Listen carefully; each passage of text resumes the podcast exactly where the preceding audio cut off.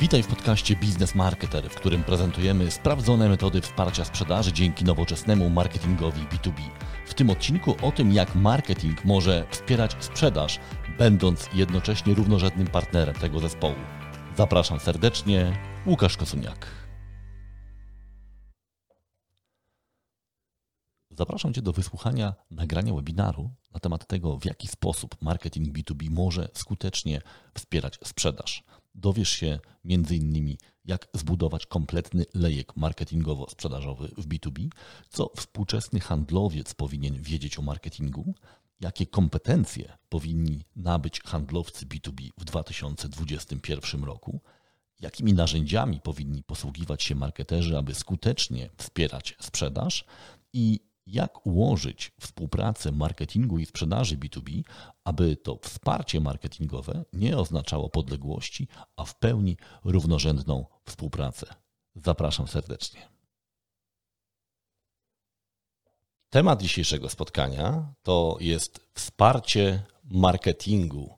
Jakiego wsparcia powinien udzielać marketing sprzedaży w 2021 roku? I nie chodzi mi o takie wsparcie taktyczne, które często jest jakby nawet za bardzo y, rozbudowane, to znaczy za bardzo są te oczekiwania rozbudowane, że marketing będzie tym działem wsparcia sprzedaży. Absolutnie nie o to mi chodzi. Chodzi mi o takie wsparcie bardziej strategiczne, to znaczy w jakich obszarach marketing może pomóc nawet e, sprzedawcom rozwinąć swoje kompetencje. Zacznijmy od tego, dlaczego w ogóle i potrzebne jest jakieś większe wsparcie marketingu y, dla sprzedaży niż w poprzednich latach. No dużo się wydarzyło. Prawda? Nie muszę wchodzić za bardzo w szczegóły związane z y, pandemią i jej wpływem, chociaż podam Wam kilka liczb, kilka statystyk, które y, pochodzą z nowych raportów, więc są w miarę aktualne. Natomiast to, co już widać i to, co potwierdzają te badania, analizy, to jest to, że wydłużyły się procesy decyzyjne w B2B, E, że klienci, e, że jest więcej punktów styku, czyli więcej jest tych informacji, w których klienci poszukują e, informacji, więcej jest tych miejsc, gdzie klienci poszukują informacji. Większy czas, więcej czasu klienci poświęcają na samodzielny research, już głównie w oparciu o treści. W związku z tym mniej czasu spędzają na spotkaniach z handlowcami. Zwiększają się komitety zakupowe właśnie, czyli ilość osób, która bierze udział w decyzjach zakupowych powiększa się.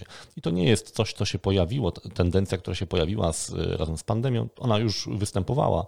Przed pandemią to było mm, prawie 7 osób w tej chwili. Jeszcze nie mamy dokładnych mm, informacji, ale deklaracje klientów są takie, że coraz więcej osób bierze udział w tych, mm, w tych decyzjach.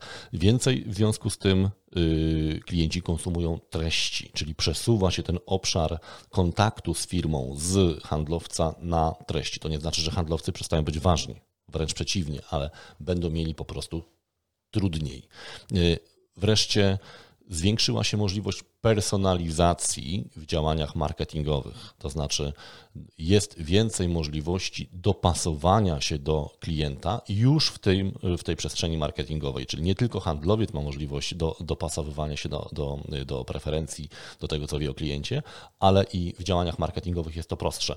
Oczywiście było to możliwe, natomiast z, w zasadzie z kwartału na kwartał upowszechniają się i też tanieją narzędzia, które tą personalizację umożliwiają, więc marketerzy mogą ją wykorzystać. Kilka liczb na początek w miarę świeżych. To są badania firmy DemandGen z listopada tego roku, y, potwierdzające te tezy, które Wam wcześniej wygłaszałem, czyli 68% klientów potwierdza, że u nich proces decyzyjny się wydłużył. Oczywiście mówimy o klientach biznesowych. 70% wykorzystuje treści dostarczone przez właśnie dostawców. 77% zwiększyło czas, jaki poświęca na samodzielny research, czyli znowu na konsumpcję treści. Y, wreszcie 73% zwiększyło ilość źródeł, czyli coraz bardziej rozproszone są te informacje. W większej ilości miejsc klienci tych informacji szukają. Jeszcze jedna taka statystyka, która y, pochodzi od Gartnera. Gartner zawsze ma dobre badania z rynku B2B. Jeszcze nie zrobił takiego kompletnego y, badania. Wszyscy się spodziewają gdzieś w styczniu albo w lutym tego takiego porządnego raportu, ale już y, takie niewielkie ilości informacji Gartner wysyła i mówi o tym, że przewidują, że do 2025 roku 80% transakcji B2B będzie y, przebiegać przez elektroniczne kanały komunikacji.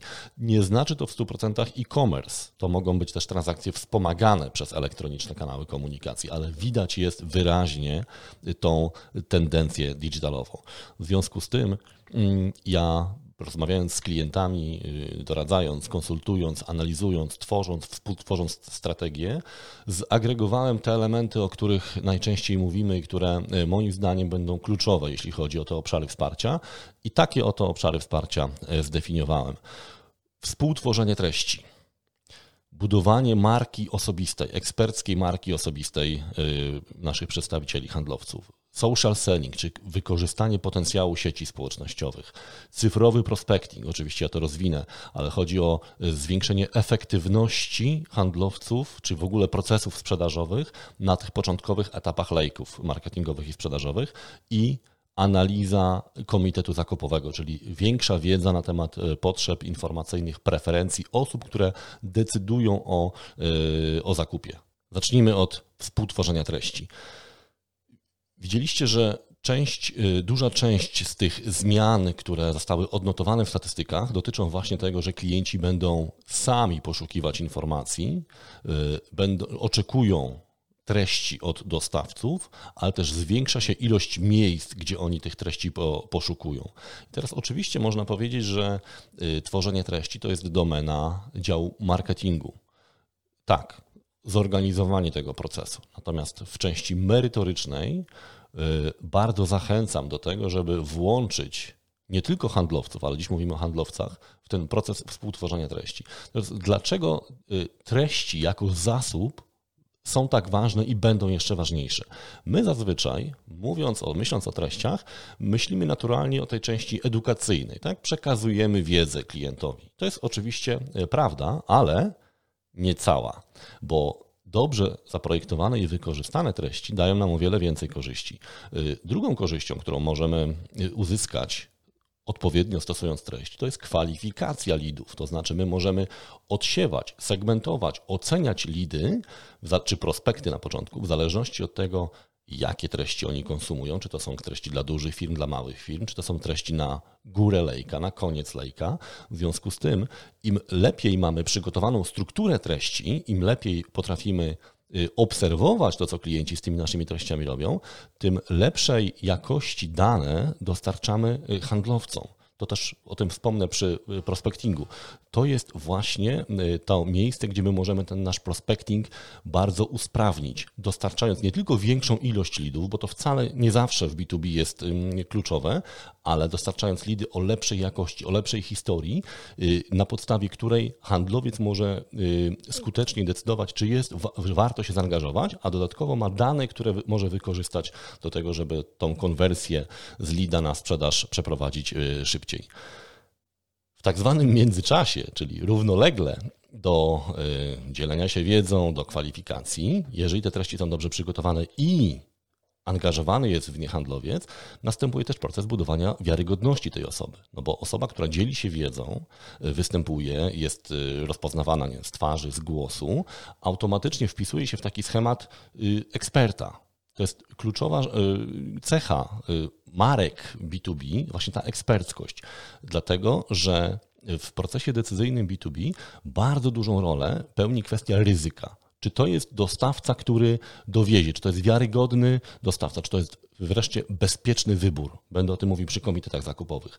Więc im bardziej my pokażemy naszych handlowców, przedstawicieli jako ekspertów, tym większa jest szansa, że to postrzegane ryzyko będzie mniejsze, w związku z tym chęć do współpracy strony klienta będzie większa.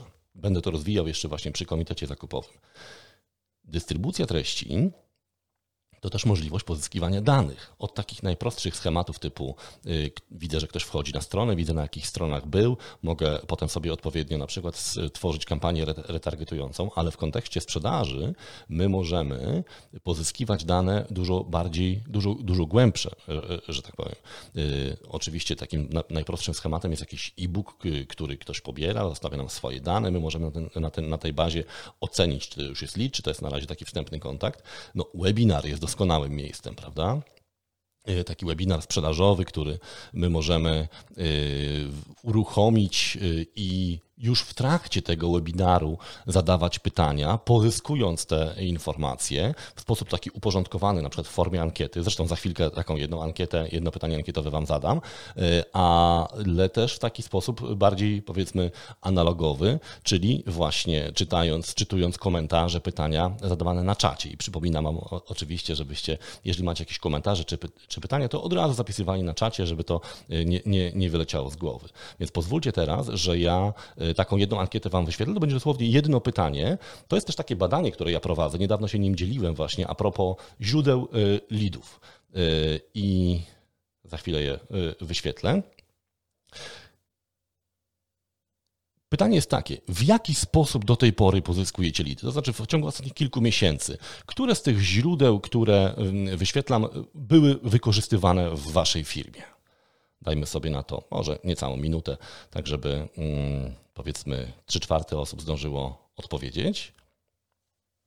Ja oczywiście podzielę się też tymi wynikami e, w momencie, kiedy już będzie w miarę grupa reprezentatywna. I to jest właśnie sposób na takie uporządkowane zbieranie informacji, czyli wyświetlamy ankietę, uczestnicy, jeżeli mają chęć, odpowiadają. I e, powiem Wam tak trochę zdradzając e, kuchnię webinarową, że webinary są doskonałym miejscem na zbieranie takich informacji, bo jest dosyć duże zaangażowanie. To znaczy zdecydowanie łatwiej jest taką ankietę, zebrać odpowiednią ilość odpowiedzi w takich ankietach podczas webinarów, niż wysyłając te ankiety, na przykład, nie wiem, jakiś link w, na LinkedInie czy, czy, czy, czy w mailingu. Ja to przetestowałem wielokrotnie, wielokrotnie i wiem, że webinary y, są y, dużo skuteczniejsze. I też dziękuję Wam za to, że udzielacie tych, tych informacji, bo to też dla mnie jest bardzo cenne. Ja akurat to pytanie zadaję na wielu webinarach od ostatnich kilku miesięcy. Też powiem Wam, jak te proporcje się zmieniają, jak tylko powiedzmy, że przekroczymy te nie wiem, 60 parę procent odpowiedzi. Jeszcze, jeszcze chwila, widzę, że jeszcze przyrasta. Jak zorientuję się, że już nie przyrasta, to oczywiście wyświetlimy. Y, dzisiaj mniejsze zaangażowanie, więc pewnie część z Was jest na takim stand-by'u, na słuchu. Y, nie wszystko pewnie jakiś multitasking przed świętami jeszcze y, uprawiacie. Ja znam to z, was, z, z autopsji, więc absolutnie się nie, nie dziwię. Jeszcze nam trochę przyrasta. Jest pytanie, czy widzę, kto co odpowiedział w ankiecie. E, w tym przypadku nie widzę, bo to jest ankieta anonimowa, ale można mieć takie ustawienia, że widać. Tak, że widać. Wtedy to jest bardziej na zasadzie jakiegoś quizu czy segmentacji. Możemy sobie też segmentować, ale akurat ta ankieta jest ustawiona anonimowo. No dobrze, to chyba czas na e, pokazanie, wyświetlenie odpowiedzi, bo już nam nie przyrasta, nie chcę tracić też czasu webinarowego. Kończymy i udostępniamy wyniki. Y, czasem trzeba sobie przewinąć okno, żebyście zobaczyli wszystkie, wszystkie wyniki. I co my tu mamy? 48% to jest samodzielna praca handlowców, cold calling, czyli też praca handlowców 25%, e-mailing 27%, Lidy ze strony www 36, social selling 25, content marketing 27 i webinaria, szkolenia online 25%. Y, mm, na przestrzeni y, miesięcy, tak jak zadaję te pytania, y, spadają te dwa pierwsze elementy. Mm, pamiętam, że prawie 70% odpowiadało, mówiło o samodzielnej pracy handlowców i o cold callingu. Natomiast rośnie trochę wartość lidów ze strony www. Y, webinaria też nam trochę skoczyły, bo na początku to było chyba tam 12 czy 13%, więc tutaj jest naj, największy przyrost, chociaż ciągle jeszcze to nie jest du, duża, duża waga. Ja nie będę wchodził w szczegóły i interpretował tego, ale chciałem Wam po pierwsze pokazać mniej więcej, jak to wygląda y, w naszej grupie uczestników, a po drugie pokazać Wam, że takie, web, takie ankiety warto też robić, bo to też jest bardzo pouczające i korzystne dla y, osób, które takie webinary organizują, czyli dzielą, dzielą się wiedzą, a jednocześnie też pozyskują, y, pozyskują tą wiedzę. Oczywiście treści y, są też zaprojektowane po to, żeby przyciągać lidy. Tutaj ważne jest takie istotne rozróżnienie, które też podkreśla Igor Bielobradek z Deloitte. To jest osoba, która bardzo intensywnie zajmuje się kwestiami content marketingu. I właśnie on rozróżnia content marketing, który jest zbudowany, który jest strategią budowania raczej społeczności wokół marki i zbudowania takiej preferencji marki i treści wsparcia sprzedaży, treści sprzedażowe, które są nastawione na generowanie lidów. I w tym przypadku my mówimy o tym, tych treściach, które są nastawione na generowanie y, lidów i wsparcie sprzedaży. Przede wszystkim treści tworzą to przedpole, czyli są dostępne 24 godziny na dobę, właśnie budują wiarygodność handlowców, handlowców y, y, ułatwiają przekazanie tej wiedzy klientowi, czyli lepsze przygotowanie tego klienta do, do rozmowy, pozycjonują nas też oczywiście, czyli budują też pozycję firmy jako takiej w, w internecie, potrafią też kwalifikować te lidy, to znaczy my możemy udostępniając odpowiednie treści, yy, yy, segmentować, nawet odsiewać pewnych klientów. Czasami opłaca się po prostu wysłać klientowi jakąś checklistę i dać mu tą informację, drogi kliencie, jeżeli na większość z tych pytań odpowiadasz nie, to znaczy, że nasz produkt nie jest dla ciebie. Lepiej to zrobić w sposób automatyczny niż angażować handlowca, żeby on y, tracił czas na te, takie skwalifikowanie. Więc jeżeli tylko możemy kwalifikować treściami, zdecydowanie y, ja to polecam. Y, treści, które są do dyspozycji handlowców, gotowe odpowiedzi na pytania, wszelkiego rodzaju materiały też przyspieszają ich pracę. Ja czasami y, opowiadam o takim, takiej ankiecie właśnie, też ankiecie, którą prowadziliśmy podczas szkoleń dla handlowców i tam 70% z nich powiedziało, że, przepraszam, y, większość z nich powiedziało, że około 70% swojego czasu poświęcają na edukację klientów. W drugim pytaniu, ile e, z tych działań edukacyjnych to są działania powtarzalne, to znaczy odpowiadają często na te same pytania, powiedzieli, że około 80%. To znaczy ogromną ilość swojego czasu, który poświęcają na edukację klientów, można w jakiś sposób usprawnić, zautomatyzować. I właśnie te gotowe odpowiedzi, ta wczesna kwalifikacja, wczesna edukacja powoduje, że handlowiec mniej czasu poświęca na te elementy, ponieważ albo klient jest już wyedukowany zanim z handlowcem się y, spotkał, albo handlowiec może bardzo szybko, korzystając z treści, tą edukację, ten poziom edukacji podnieść, nie tracąc odpowiednio swojego czasu. Tu jest jeszcze jeden ważny element jeśli chodzi o y, współtworzenie treści, to jest stworzenie pewnego schematu, pewnej kultury dzielenia się wiedzą, bo bardzo często, kiedy opowiadam właśnie o tym, że warto jest handlowców angażować we współtworzenie treści, to dostaję taką informację, ale oni nie chcą tego robić. I teraz jest wiele przyczyn, y, ale y, wśród tych przyczyn takie najistotniejsze, które zauważam, to jest to, że handlowcy nie do końca wierzą, że to jest opłacalne, więc trzeba je po prostu pokazać, co, co z tymi treściami możemy zrobić. Po drugie, często zmuszamy tych ludzi do na przykład napisania długiego artykułu, co dla wielu handlowców jest po prostu mordęgą, oni nie mają na to czasu, ale też nie potrafią tego robić, więc warto też znaleźć odpowiednią formę, odpowiedni format. Ja znowu wrócę do webinarów. To jest taka forma w zasadzie naturalna dla handlowca, ponieważ wielu z handlowców prowadziło prezentacje w tym czasie, kiedy można było się spotykać. Więc stosunkowo niewielkim wysiłkiem możemy nauczyć ich, y, pomóc im prowadzić sensowne y, prezentacje w formie webinarów. Oczywiście trzeba zadbać o pewne rzeczy techniczne, o strukturę i tak dalej. Y, ja też mam taki webinar o tym, jak przygotowywać webinary, więc możecie sobie poszukać na naszym kanale, na naszym kanale YouTube Chyba, że jesteście subskrybentami newslettera, no to wtedy tam też często ten, ten, ten link zamieszczam, to będzie łatwiej. Ale warto jest właśnie dopasować ten format przekazywania treści do też preferencji handlowców. Ja pamiętam kiedyś taki projekt, kiedy nagrywaliśmy na przykład wywiady audio dyktafon, y, wywiad, ponieważ y, ludzie, którzy tą wiedzę nam przekazywali, byli, no, byli introwertykami, nie do końca odnajdywali się przed kamerą. Więc zamiast ich torturować tymi kamerami, po prostu w kameralnym środowisku został nagrany wywiad, który potem został y, przetransferowany do, do tekstu, zredagowany i wyszło z tego cała seria tak naprawdę przepraszam, materiałów. Ważne też jest to, żeby osoby, które chcemy włączać we współtworzenie treści, widziały pewien plan, strategię, że to nie jest od przypadku do przypadku, że to jest przewidywalne, że to jest zaplanowane. Przede wszystkim taka strategia e, treści powinna być zaakceptowana przez zarząd. W związku z tym nadajemy też tej strategii pewnej powagi i możemy też negocjować y, ten poziom zaangażowania się, tak żebyśmy nie byli też w pozycji y, proszącej. warto też jest pokazać, jakby co zyskuje osoba, która dzieli się wiedzą. Właśnie to, że ta wiarygodność rośnie, ale też takie rzeczy bardzo y, konkretne, na przykład zrobienie dobrego zdjęcia handlowcowi, pokazanie go w materiałach, pokazanie go w materiałach wideo i tak dalej, promowanie tych osób, ponieważ firmie też to się opłaca. Czyli jeżeli chcemy być postrzegani jako firma ekspercka, to musimy pokazywać ekspertów. Więc warto jest też przygotować odpowiednie środowisko, nie tylko oczekiwać od tych ludzi y, wsadu, ale też pokazać, jak my y, ich wspieramy, w jakim schemacie oni działają. Im bardziej to jest przewidywalne, im lepiej to jest zrozumiałe przez osoby spoza marketingu, tym łatwiej nam będzie te osoby namówić do, do takich działań. Drugi punkt. Budowanie marki eksperckiej naszych handlowców, czy współtworzenie, bo przecież główna odpowiedzialność jest, jest, jest po ich stronie. Teraz, dlaczego to jest takie istotne? Ja trochę powiedziałem, oczywiście te elementy się zazębiają, no bo zobaczcie, bez treści, bez pokazywania tych naszych handlowców jako współtwórców treści, nie, nie znaczy, że oni muszą prowadzić samodzielnie webinary, bo nie zawsze mają taką wiedzę. Często te webinary bardziej zaawansowane są prowadzone przez inżynierów, ale taki handlowiec może być chociażby osobą, która ten webinar jakoś organizuje, zamyka, otwiera, podsumowuje. W ten sposób buduje to przekonanie wśród klientów, że my dysponujemy ekspertami. Teraz, y, dlaczego ta marka ekspercka jest taka ważna? Ponieważ ona podkreśla to, że jesteśmy bezpiecznym wyborem dla klienta.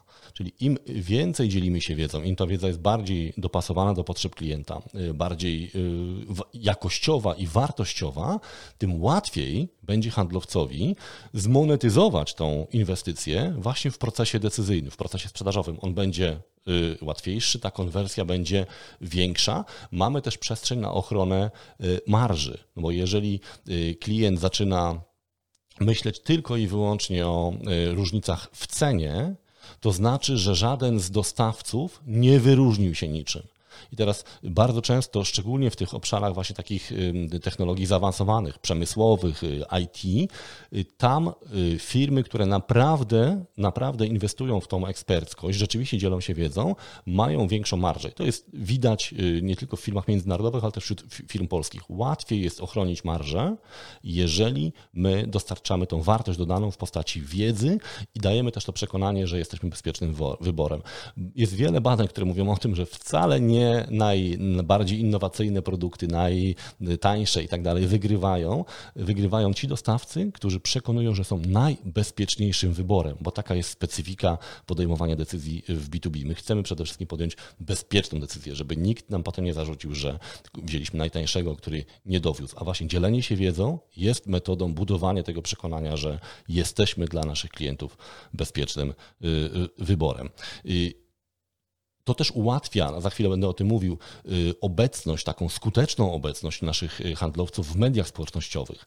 Y, ta budowanie marki eksperckiej powinno być jednym z głównych celów tej, tej działalności. Ja za chwilę do, do tego przejdę. Znowu, wydarzenia, webinaria, szkolenia, wszystko, co jest tym transferem wiedzy, będzie, jest traktowane jako właśnie źródło budowania tej, tej marki eksperckiej. Oczywiście oprócz tego referencje, polecenia, y, pokazywanie też relacji z klientami. Dlatego warto jest też handlowców zachęcać do tego, żeby oni utrzymywali te relacje na odpowiednim poziomie, ale to znowu jest też zadanie marketingu, żeby na przykład stworzyć odpowiednie materiały z klientami, które no, nie są czystą reklamą naszą, ale też pokazują tego klienta jako lidera, jako firmę, która podjęła odważną decyzję, skuteczną i tak dalej, i tak dalej.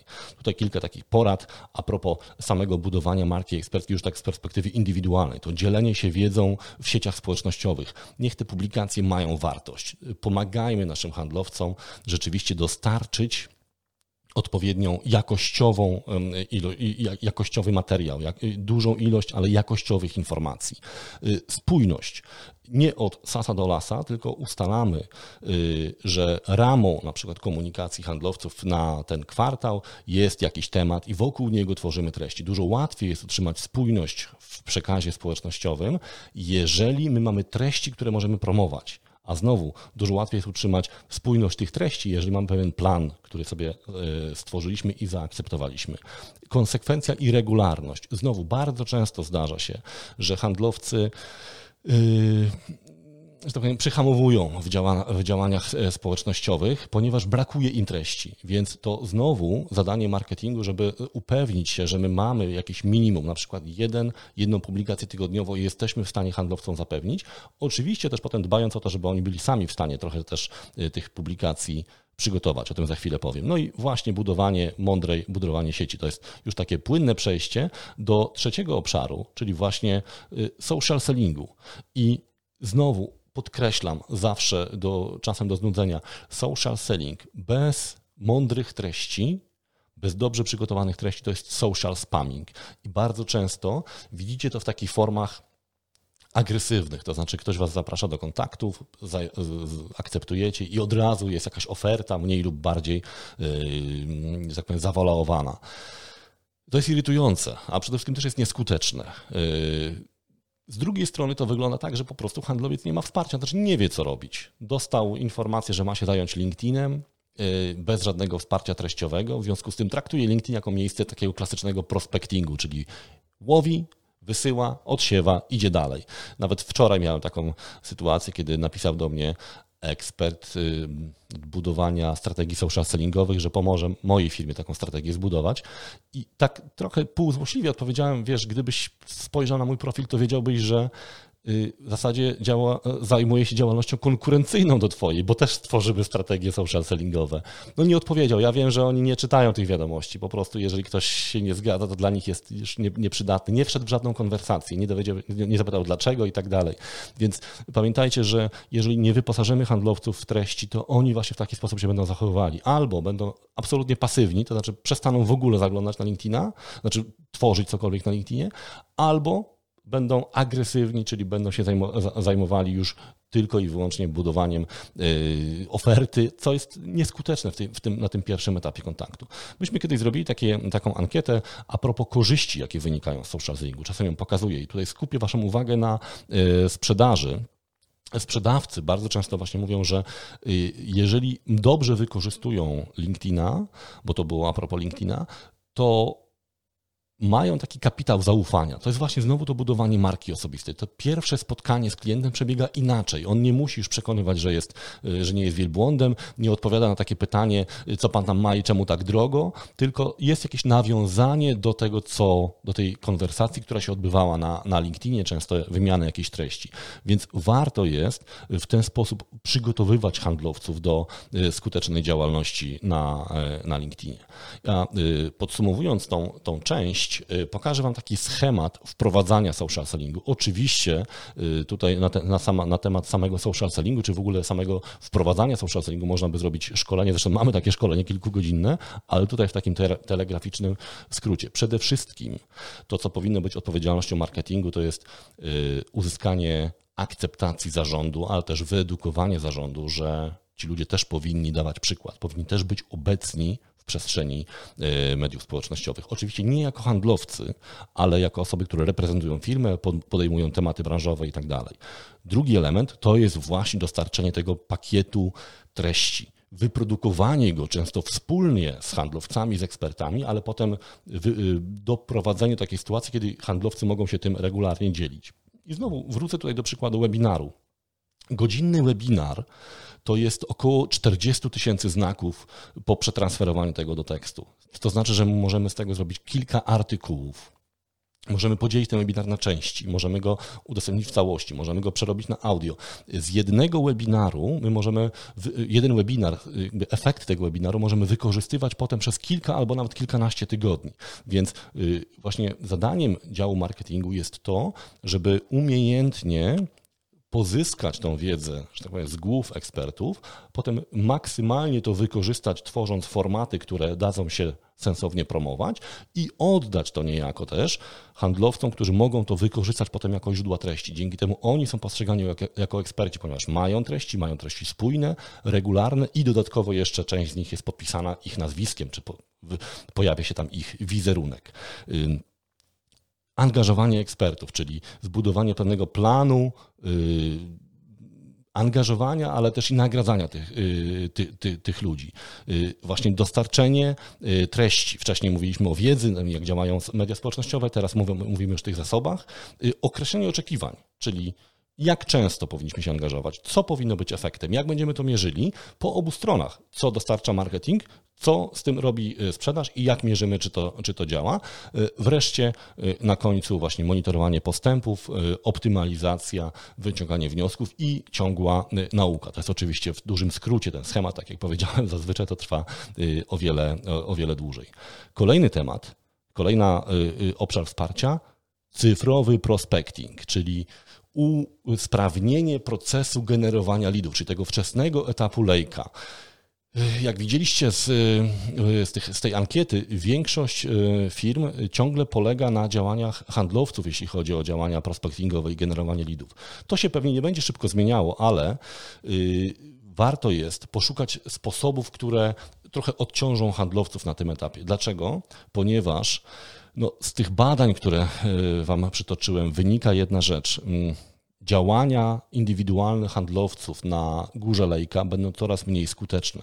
To znaczy, oni będą musieli włożyć to coraz więcej wysiłku, ponieważ jak widzicie, y, ilość osób, do których trzeba dotrzeć się zwiększa, ilość miejsc, gdzie klienci szukają informacji się zwiększa, czas, jaki poświęcają na research się zwiększa. Y, i y, też rozproszenie tych kanałów, czyli ilość miejsc, gdzie te, gdzie te informacje mogą być. W związku z tym indywidualna praca handlowca, właśnie cold calling, czy taki właśnie y, y, indywidualny prospecting, bez wsparcia treściowego będzie po prostu coraz mniej skuteczny, nawet jeżeli ci handlowcy będą się rozwijali i oni indywidualnie będą coraz lepsi.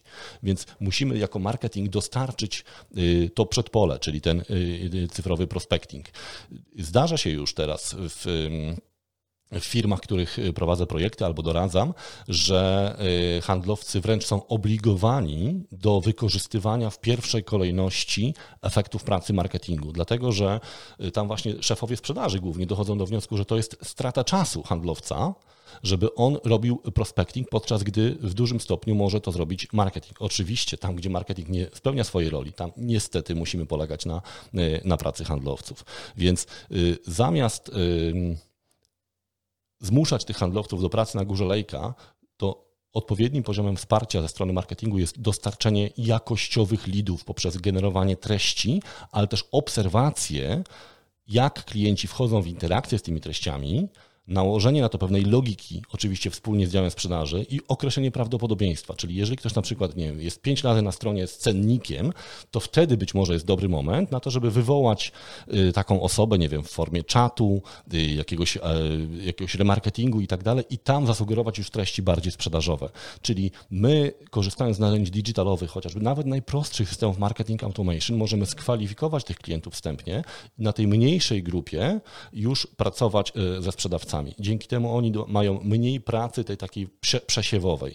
Często zdarza się ciągle jeszcze, nawet dużym firmom, że wszystkie lidy takie podstawowe, to nawet nie są lidy, to są jakieś kontakty, nie wiem, z pobrania e-booka, są przekazywane automatycznie do działu sprzedaży i ten dział sprzedaży musi się przekopać przez, nie wiem, 40-50 takich kontaktów, żeby znaleźć jeden, który, yy, który konwertuje. To sprawia, że ci handlowcy nie chcą tych lidów podejmować, że mówią, że te działania marketingowe są nieskuteczne, a tak naprawdę to nie jest tak, że one są nieskuteczne. Tam brakuje kolejnego etapu czyli y, właśnie tego cyfrowego prospectingu, kwalifikacji, edukacji i obserwacji tego, co się dzieje i wychwytywania tych lidów. Oczywiście tu trzeba też doprowadzić do pewnej skali, żeby tych lidów była odpowiednia ilość, ale im y, szyb, wcześniej zaczniemy to robić, tym szybciej, y, że tak powiem, dotrzemy do pewnej sprawności, która nam też pozwoli zwiększyć tą, zwiększyć tą, tą skalę.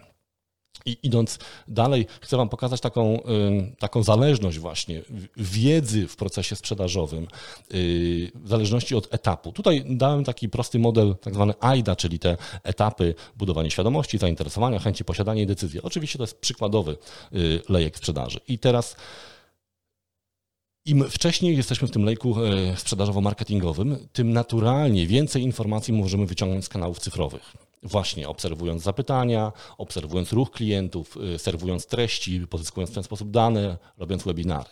Oczywiście im dalej idziemy w ten lejek, tym pozycja handlowca rośnie, ponieważ on nawiązuje kontakt indywidualny, wie coraz więcej. W związku z tym y, też rolą marketingu jest umiejętne łączenie wiedzy z tych powiedzmy dwóch kategorii źródeł, bo tych źródeł oczywiście jest, jest więcej, ale też pokazywanie handlowcom, co się działo, zanim doszło do tego spotkania, prawda? Pamiętacie takie badania, badania Gartnera, które mówiły o tym, że w momencie, kiedy dochodzi do spotkania z handlowcem, to proces decyzyjny jest zaawansowany w około 57%. Powiedzmy, że to jest 50%, żeby y, łatwo to zapamiętać. W związku z tym y, to, co się dzieje zanim dojdzie do tego spotkania, ma kluczowe znaczenie z punktu widzenia skuteczności handlowca, więc przekazanie mu też tego dossier klienta, na jakich stronach był, na jakich, w jakich webinarach uczestniczył, jakie maile otrzymał, też będzie bardzo ważne z punktu widzenia nie tylko decyzji handlowca, czy angażować się w kontakt z tym klientem, ale też o czym rozmawiać, co interesuje tego klienta, kim jest ta osoba, jaką ma perspektywę, jaką rolę w komitecie zakupowym pełni. To będzie bardzo ważne, jeśli chodzi potem o budowanie y, właśnie skuteczności y, tego naszego, y, tego naszego handlowca. Właśnie jakość tych lidów w, procesie właśnie digital prospectingu jest tutaj kluczowa. Powiedziałem już o tym, dlaczego nie zawsze powinniśmy tak bardzo mm, nastawiać, na, nastawiać się na ilość. Często właśnie tak jest, że jedynym celem, jedynym targetem, który dostaje marketing jest ilość lidów. I teraz w momencie, kiedy ten dział marketingu jest albo niedofinansowany, albo no nie ma odpowiednich kompetencji, szybko się znajduje sposób na generowanie dużej ilości lidów. Jakiś e-book, jakiś materiał, pobieramy dane, przekazujemy do działu sprzedaży, niech tam się martwią. No to jest podwójna strata. To znaczy po pierwsze burzymy w ten sposób zaufanie do skuteczności marketingu i to jest długofalowo dramatyczna sytuacja, ponieważ yy, potem yy, handlowcy po prostu mają doskonałą wymówkę. Nie biorę lidów z marketingu, te lidy do niczego się nie nadają. Y, po drugie, y, to jest y, krótkotrwałe. W tym czasie, kiedy handlowcy jeszcze te lidy przejmują, to jest bardzo obciążające czasowo i powoduje, że produktywność handlowców spada. To znaczy, my tak naprawdę nie, nie tyle nie pomagamy handlowcom, co im przeszkadzamy, obniżamy ich produktywność, ponieważ zasypujemy ich niskiej jakości lidami. I tutaj kluczowa rzecz to jest ustalenie rzeczywiście standardu tego lidu, lida, czyli co tak naprawdę ma przekazać marketing, też trzeba do tego podejść racjonalnie. Nie zawsze wszystkie informacje można pozyskać albo można pozyskać sensownym kosztem z e, punktu widzenia marketingu, ale potem przekazanie tego do działu sprzedaży, też oczekiwanie zwrotnej informacji, czyli przede wszystkim szybkiego podjęcia tego lida, szybkiej kwalifikacji i przekazanie efektu tak żebyśmy nie tylko mogli liczyć zwrot z inwestycji z marketingu, ale też wesprzeć sprzedawców odpowiednimi działaniami remarketingującymi na przykład. Czyli, bo to nie jest tak przecież, że klient, który zaczyna rozmawiać z handlowcem, przestaje korzystać z internetu. My powinniśmy wręcz tym bardziej go śledzić i jeszcze bardziej precyzyjne komunikaty mu serwować, bo to może być osoba, która właśnie nie była do tej pory zaangażowana jeszcze w proces decyzyjny, a handlowiec organizując spotkanie zaprosił jeszcze 3-4 osoby z innych działów. Więc jeżeli on wie, że te osoby uczestniczą w procesie decyzyjnym, powinien przekazać te informacje do działu marketingu, ponieważ być może dział marketingu będzie w stanie, nie wiem, mądrą kampanią LinkedInową tych ludzi równolegle edukować, co oczywiście potem przełoży się na zwiększone szanse na zamknięcie takiego, y, takiego procesu. Więc pamiętajcie, Moi drodzy, ten cyfrowy prospecting, on, znaczy my musimy robić więcej w tym obszarze, ponieważ handlowcy będą coraz mniej skuteczni. Nie chodzi o to, że będą gorsi indywidualnie, po prostu przestrzeń, w jakiej działają, nie będzie działała na ich korzyść. A z drugiej strony ich czas, ich kompetencje są bardzo potrzebne w tej końcowej części lejka, kiedy mogą rzeczywiście wykazać się już takimi indywidualnymi kompetencjami handlowymi, zamykaniem, czyli tym wszystkim, do czego handlowcy są tak naprawdę y, szkoleni. Czwarty punkt, właśnie, znaczy to płynnie przechodzimy. Analiza komitetu zakupowego. To znaczy, co my tak naprawdę wiemy o tych ludziach, którzy podejmują y, decyzje. Wiemy na pewno, że te komitety rosną, że zwiększa się ilość osób, która y, podejmuje te decyzje. W tej chwili już jest prawie 7 osób. Nie mamy jeszcze nowych danych, moim zdaniem będzie ich więcej. Często jest tak, że te osoby mają jakieś sprzeczne albo troszkę rozbieżne interesy. Ktoś chciałby kupić drogo, ktoś chciałby kupić tanio, ktoś chciałby produkt prostszy, ktoś chciałby bardziej skomplikowany. To nie jest tak, że oni wszyscy mają jakby idealnie spójną wizję tego y, zakończenia tego, tego procesu. Ważna informacja, no nie, nie do każdego też jesteśmy w stanie dotrzeć bezpośrednio. Często właśnie jest taka iluzja, y, y, to właśnie jak czasami analizujemy procesy czy sprzedażowe w CRM-ach, widzimy na przykład, że deale są na 80% i nagle potem spadają bo okazuje się, że wkroczył dyrektor finansowy, czy wkroczył jakiś tam dyrektor IT i powiedział, w ogóle nie ma, nie ma mowy, tego typu rozwiązania są absolutnie nieakceptowalne w naszej firmie. No, dlaczego tam było 80%? Ponieważ handlowiec był przekonany, że rozmawia z decydentami rozmawiał, ale z jednym z siedmiu i w ten sposób no, zbudował jakąś, jakąś no, okazuje się, nieprawdziwą historię tego, tego dealu. Dlatego współpraca marketingu i sprzedaży i to wsparcie musi się opierać o lepsze zrozumienie komitetu zakupowego, ponieważ będzie nas coraz więcej kosztowało doprowadzenie deali na koniec lejka. W związku z tym każda utrata tego dealu na końcu lejka będzie po prostu coraz coraz bardziej kosztowna. Nie możemy sobie na to pozwolić, w związku z tym, a dodatkowo są narzędzia, które nam to ułatwiają, więc powinniśmy te możliwości y, wykorzystać. Ważne też jest to, że nie każdy decydent aktywuje się na początkowym etapie procesu decyzyjnego. Często to jest tak, że na początku działa researcher, potem y, mamy jakieś osoby, które przygotowują rekomendacje. Potem jest jakiś, e, jakaś osoba, która ewentualnie może e, zgłosić jakieś uwagi, nie wiem, prawne, techniczne i tak dalej, a na końcu często na przykład dyrektor finansowy i prezes podpisują tą decyzję, że to jest duży, duży deal. Więc też musimy mieć świadomość, że e, w zależności od tego, na jakim etapie jest ten proces, inne osoby mogą być aktywnie, poszuk- mogą aktywnie poszukiwać informacji. I tak jak powiedziałem, nie do każdego też dotrzemy bezpośrednio, ale warto jest pamiętać o pewnej statystyce, którą też Gartner nam tutaj przygotował. Otóż yy, pewnie pamiętacie taki, taką, taki, taki wykres, z którego wynika, że właśnie w średnim procesie decyzyjnym około 17% czasu klienci poświęcają na spotkania z dostawcami. To są dane sprzed pandemii. Pamiętajcie, moim zdaniem to się skurczy. Yy, natomiast 27% na y, research indywidualny. To wiemy, że klienci powiedzieli, że więcej y, poświęcają, ale Gartner jeszcze nie skwantyfikował tego. Natomiast tu jest interesująca ta statystyka, która mówi o tym, że 22% tego czasu klienci spędzają wewnątrz organizacji, znaczy spotkają, spotykając się w ramach tego komitetu zakupowego. I teraz, co my możemy z tym zrobić? No, handlowcy tam nie mają dostępu. Natomiast możemy oczywiście analizować ten komitet zakupowy, analizować ich potrzeby informacyjne i tworzyć treści, które my możemy przekazać za pośrednictwem osób, z którymi mamy do czynienia. Ja ich często nazywam właśnie emisariuszami y, i dlatego podzieliłem te treści sprzedażowe na dwa, na, dwie, na dwa rodzaje. Pierwszy rodzaj treści perswazyjne, czyli te, które mają za zadanie przekonać tego naszego emisariusza, właśnie osobę, z którą mamy do czynienia jako handlowcy, że jesteśmy dobrym wyborem. No i to się dzieje na początku tego procesu sprzedaży, kiedy dostajemy lida i pracujemy, żeby rzeczywiście na, tą relację nawiązać. Ale potem to staje się nasz y, przedstawiciel. To znaczy tej osobie też zależy na tym, żeby jego, jej rekomendacja Y, przebiła się przez ten komitet zakupowy. Czyli na przykład taka osoba się przygotowuje do spotkania z zarządem. Ja często miałem taką sytuację jeszcze, kiedy sam byłem szefem marketingu i kupowaliśmy różne rozwiązania, musiałem je uzasadnić. Y, a potem też brałem udział w opiniowaniu, czyli po drugiej stronie y, byłem. Dlatego taka osoba, która przygotowuje się do tego spotkania z zarządem, no, potrzebuje wsparcia. I ja te treści, które mogą wspierać takiego emisariusza, nazywam treściami właśnie wspierającymi. To mogą być biznes case'y, y, wyliczenia różnego rodzaju y, całościowy koszt utrzymania, ROI, kalkulatory korzyści, referencje, wpływ na podatki, wpływ narodu, w zależności od tego, co wiemy o komitecie zakupowym. Teraz taka y, praktyczna uwaga, porada, jak to zrobić. No, my zaczynamy od takiego prostego ćwiczenia. To znaczy, ja doradzam, żeby po każdym dealu zamkniętym, wygranym, przegranym, zrobić sobie taką prostą tabelkę, czyli y, opisać powiedzmy, że w wierszach mamy te deale, tak, w jakimś Excelu, a w kolumnach są poszczególne stanowiska z komitetu zakupowego. Y, nie wiem, szef fabryki, nie wiem, szef researchu, kierownik jakości, ktokolwiek, tak, w zależności od tego, jakie tam są osoby. Handlowiec będzie wiedział mniej więcej, kto brał udział w, tym, w, w tej decyzji, ale też jeżeli mamy to już oprocesowane, to on będzie aktywnie tej informacji poszukiwał, ponieważ mamy już trochę informacji. To znaczy, z biegiem czasu, im lepiej będziemy ten komitet rozumieć, tym marketing lepiej będzie w stanie przygotować pewne materiały, na przykład taki kalkulator korzyści albo jakiś zestaw referencji. Wtedy handlowiec może aktywnie zapytać, a kogo my jeszcze powinniśmy przekonać? Kto jeszcze będzie brał udział w tej decyzji? Bo mamy materiały, które mogą się przydać na przykład na, takim, na takiej prezentacji wewnętrznej dla zarządu.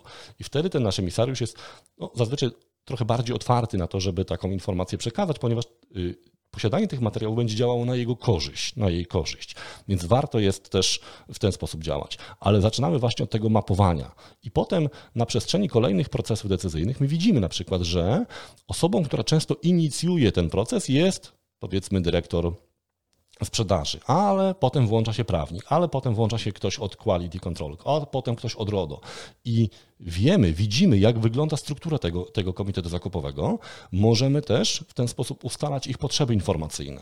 Dzięki temu handlowcy są jakby tym źródłem informacji dla nas, ale potrzebna jest właśnie ta dyscyplina. Rzeczywiście każdy z tych y, procesów trzeba opisywać w sposób uporządkowany, w sposób podobny, po to, żeby potem marketing mógł oczywiście w, w proces z sprzedażą przygotować odpowiednie materiały. I to są materiały, które potem będą nam pomagały zwiększyć swoją skuteczność na końcu procesu sprzedaży, właśnie w tej przestrzeni, gdzie już nas nie ma, gdzie już fizycznie nie możemy się pojawić na spotkaniu, ale możemy oddziaływać na te procesy poprzez odpowiednio przygotowane treści i poprzez osoby, które która jest zmotywowana do dystrybucji tych treści w, w, komitecie, w komitecie zakupowym. Więc warto jest y, tworzyć takie treści, ponieważ one no, ułatwiają argumentację, ale nie bezpośrednią, tylko właśnie za pośrednictwem tej osoby, która jest tym naszym emisariuszem. To oczywiście nie jest tak, że my musimy być jedynym dostawcą w tym obszarze. Zazwyczaj tak nie jest, ale no wyobraźcie sobie tą sytuację, jeżeli macie dwóch dostawców, jeden z nich ma te materiały, ma te odpowiedzi na pytania i rzeczywiście one są jakościowe, no to naturalnie będziecie się bardziej czuli komfortowo z prezentacją yy, tych, tych argumentów. Pewnie yy, trzeba będzie zaprezentować obie oferty, ale nawet te osoby, które otrzymają te materiały, będą widziały, że wy jako dostawca jesteście lepiej przygotowani do tego, y, do, do, tego, mm, do, do, do, do tych działań. Moi drodzy, y, ponieważ chciałbym sobie jeszcze zostawić trochę przestrzeni na, na pytania i y, o odpowiedzi na, na, na, komentarze, to pozwólcie, że krótko podsumuję te, te, te moje rekomendacje. Jak widzicie, to nie są takie rekomendacje taktyczne, tak jak powiedziałem. Nie chodzi mi też o to, żeby y, sprowadzać dział marketingu do wsparcia sprzedaży. Bardziej chodzi o to, żeby pokazać Wam te obszary, w których sprzedaż potrzebuje wsparcia, w których do tej pory nie było być może wystarczających kompetencji, a otoczenie się zmienia. I jeżeli i kto jak kto, ale właśnie marketing ma potencjał, żeby to wsparcie świadczyć, ponieważ my znamy kwestie treści, my y, wiemy, znamy jak działa social selling, wiemy jak budować marki osobiste, y, wiemy jak działa ten początek lejka, więc Naszym obowiązkiem jest przedstawienie takiego planu też wsparcia sprzedaży. Nie chodzi właśnie o takie wsparcie, czy bycie tylko i wyłącznie pomocnikiem, ale bycie kimś, kto na równych prawach dba o zwiększenie efektywności y, działu sprzedaży poprzez to, że pewne rzeczy przejmujemy na siebie, ale też układamy pewne procesy. Im y, szybciej to zakomunikujemy, im y, większych, im, im, im lepiej to zagospodarujemy też, tym szybciej zobaczymy efekty. No bo nie oszukujmy się, nawet jeżeli ta pandemia się skończy, miejmy nadzieję bardzo szybko, to już pewne przyzwyczajenia, pewne procesy poszły daleko. Wielu szefów sprzedaży na przykład mówi, że już nie wrócą do formatu handlowców wędrownych ponieważ zorientowali się, że tak zwany inside sales działa wystarczająco dobrze. Oczywiście nie wszędzie, nie, nie będzie to e, pewnie 100%, ale te zjawiska już następują. W związku z tym, niezależnie od tego, jak potoczą się te rzeczy, które, na które nie mamy większego wpływu, e, powinniśmy być gotowi na to ucyfrowienie procesu sprzedaży i też wesprzeć handlowców w tym, żeby oni się w tych e, przestrzeniach odnaleźli, ponieważ no, wielu z nich czuje się po prostu zagubionych i my to widzimy bardzo często rozmawiając o marketingu, a y, przechodzimy bardzo szybko właśnie na, na, na obszar sprzedaży, chociaż tak naprawdę dla mnie te wszystkie działania komunikacyjne i sprzedażowe są w tej chwili już częścią jednego, jednego procesu. I to wszystko w dzisiejszym odcinku. Jeżeli te treści podobają Ci się, zostaw nam gwiazdkę albo ocenę w swojej ulubionej aplikacji podcastowej, albo po prostu podziel się tym odcinkiem w mediach społecznościowych. Wielkie dzięki i do usłyszenia. Łukasz Kosuniak.